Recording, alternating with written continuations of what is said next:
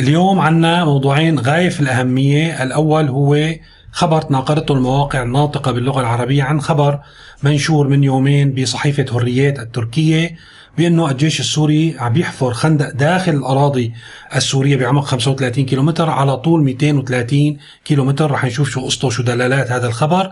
الموضوع الثاني برنامج حواري على التلفزيون السوري يوم أمس بصير فيه عليه انقلاب إيراني.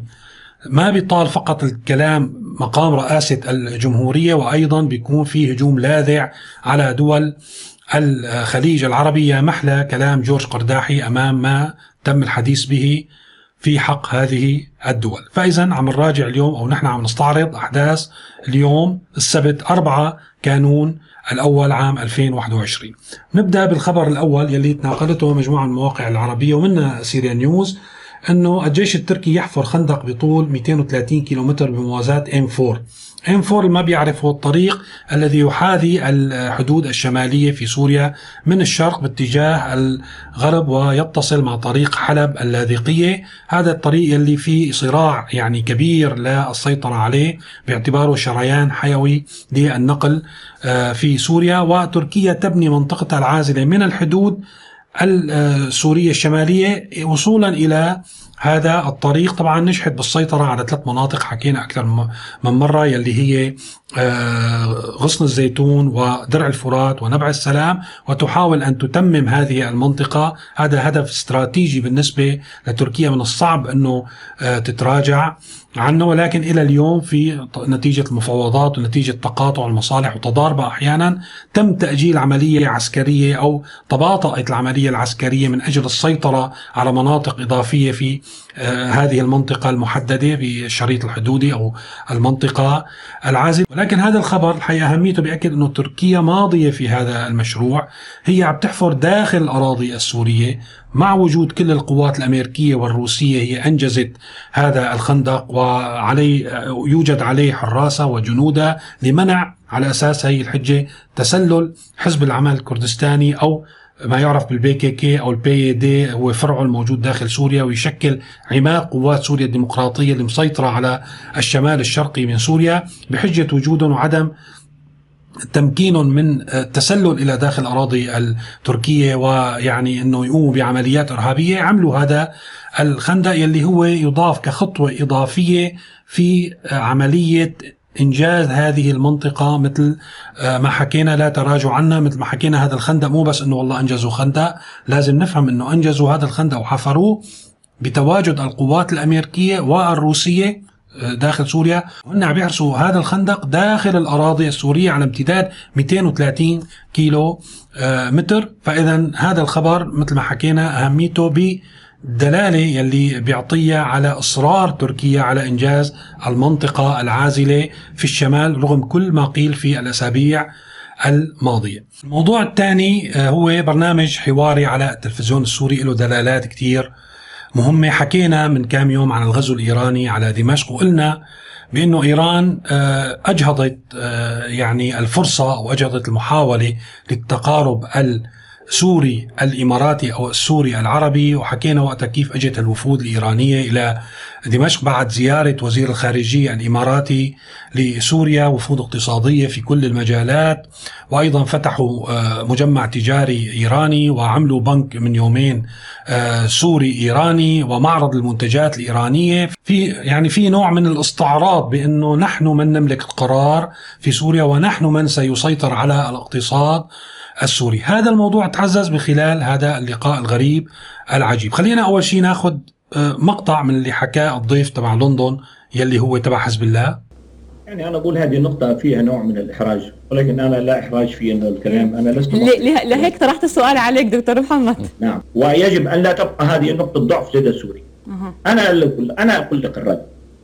الرد يحتاج إلى بعض الشجاعة. بنفس الشجاعة التي قام بها السيد حسن نصر الله بجلب مواد الطاقة من خارج لبنان عبر البحر الأحمر إلى البحر المتوسط نفس هذه الشجاعة مطلوبة لكسر هيبة العدو الإسرائيلي.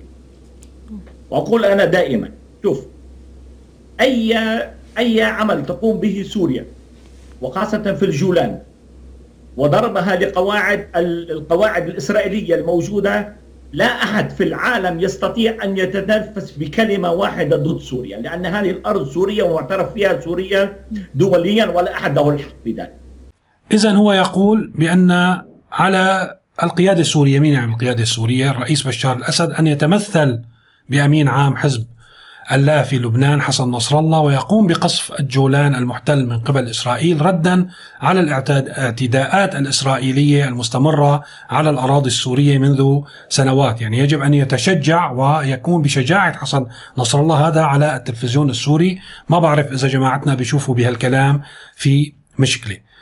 وطبعا المحور الكلام كان كله البرنامج عبارة عن ساعة أو الحوار ساعة وهو بما معناه أنه عملية فتح الاقتصاد السوري لكل من هب ودب ليستثمر داخل سوريا في خطورة على سيادة القرار السوري آه وخاصة أنه الإمارات هي صايرة وسيط وهي طرف مع إسرائيل فبالتالي ممكن أن تتسلل إسرائيل إلى داخل سوريا. وأنا أتفق مع هذه النقطة بالمناسبة وحكيت عنها أكثر من مرة.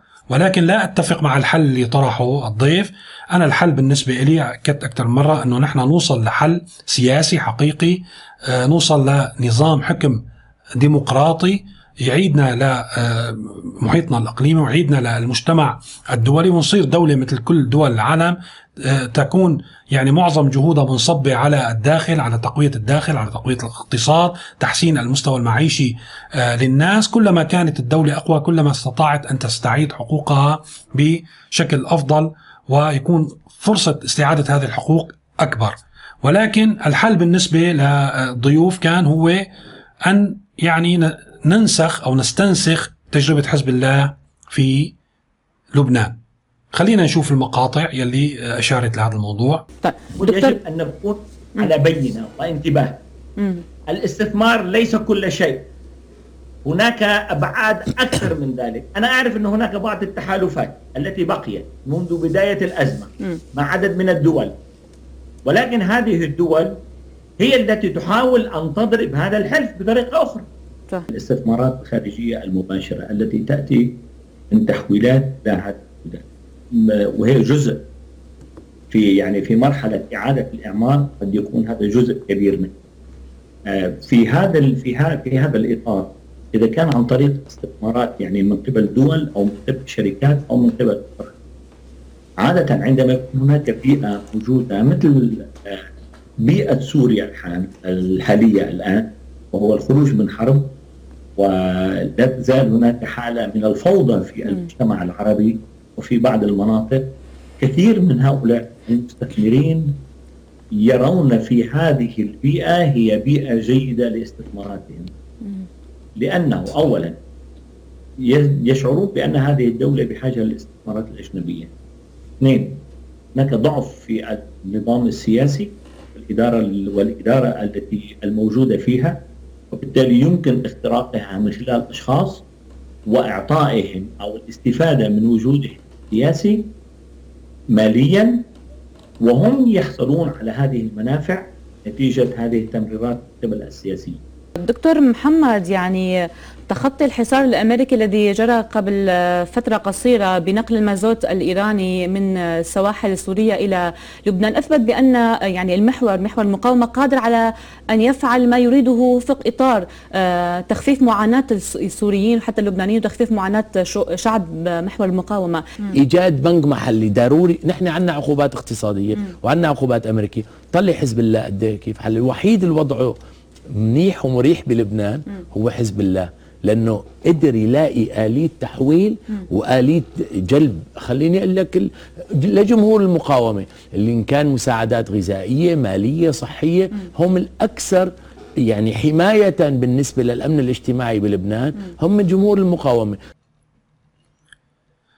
اذا هذا اللي عم يقصدوه موضوع اقتصاد المقاومة بأنه يعني نحن بعد ما حزب الله السوري تشكل عمليا وسيطر على مناطق عسكريا في الجنوب وصار له مقرات مدنية أو مجتمع آه، محلي مثل الضاحية الجنوبية في السيدة زينب. هلأ بقى صار وقت إنه نحن نسلمه الاقتصاد لحتى يجيب لنا مازوت ومصاري ومواد غذائية من إيران ونكسر شوكة إسرائيل ونتمثل بشجاعة حسن نصر الله أيضا في هذا الخصوص. الغريب بنهاية البرنامج الضيف على شاشة التلفزيون السوري شن هجوم لاذع على دول الخليج الإمارات والسعودية ويعني يا محلى الكلام اللي حكاه جورج قرداحي وتسبب بهالأزمة الكبيرة. نعتهم يعني بأنه هن قتلة ومجرمين وأنه هن أجرموا في الدم السوري بغض النظر أنه هذا الكلام صحيح ولا لا. ولكن يظهر مرة أخرى من هو صاحب القرار وصاحب السلطة الحقيقية في سوريا. لا أعتقد ضمن السياق اللي ماشي فيه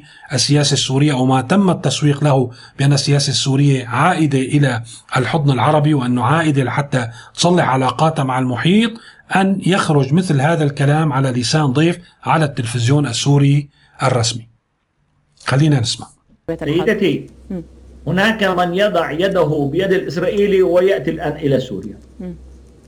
وهو وكيل وكيل التجسس في الدول العربية. في أكثر من هيك إحراج بعد. هناك ملاحظات على يعني الأداء السياسي لكثير من الدول العربية.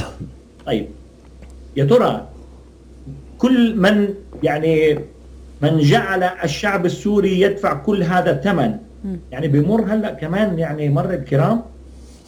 أم أن لسوريا حق على هؤلاء أيضا؟ يا أخي في حق الدم يلي يلي ذبحوا لنا ذبحوا لنا أولادنا فيهم. أكثر من 450 ل 600 ألف مواطن عراقي وأكثر من 300 ألف مواطن سوري قتلوا على أيدي هؤلاء. هلا بنقول لهم تفضلوا؟ ولا يجب محاسبة هؤلاء الناس. أليس من حق الشعب السوري أيضا؟ ومن حق القيادة السورية أن تدعي على هذه الدول بما أدته إلى دمار وخراب وأن تكون هذه عقوبات عليها لإعادة إعمار سوريا؟ ولماذا تعاقب العراق للآن لاحتلالها الكويت؟ الآن العراق يدفع أموال إعادة الإعمار لأكثر من 20 دولة مش للكويت فقط. ما بصير هذا الأمر يمر مر الكرام؟ طيب. ولا يجب أن يمر السياسيين العرب من دمشق مر الكرام أيضا. يجب على الإدارة والقيادة السورية طيب. حصر كل هذه الأضرار والمطالبة بحق كل دم سوري بسبب هؤلاء. ويجب أن يدفع هؤلاء سبب جرائمهم طيب. في سوريا. يعني هذا اللي صار هدول الحدثين اللي بدنا نحكي فيهم اليوم إذا بدكم تتابعوا أخبار أكثر على موقع Syria News وشبكات التواصل الاجتماعي المرتبطة فيه وراح أحط لكم مثل العادة رابط قناتنا على التليجرام بصندوق الوصف. شكرا لمتابعتكم وإلى اللقاء.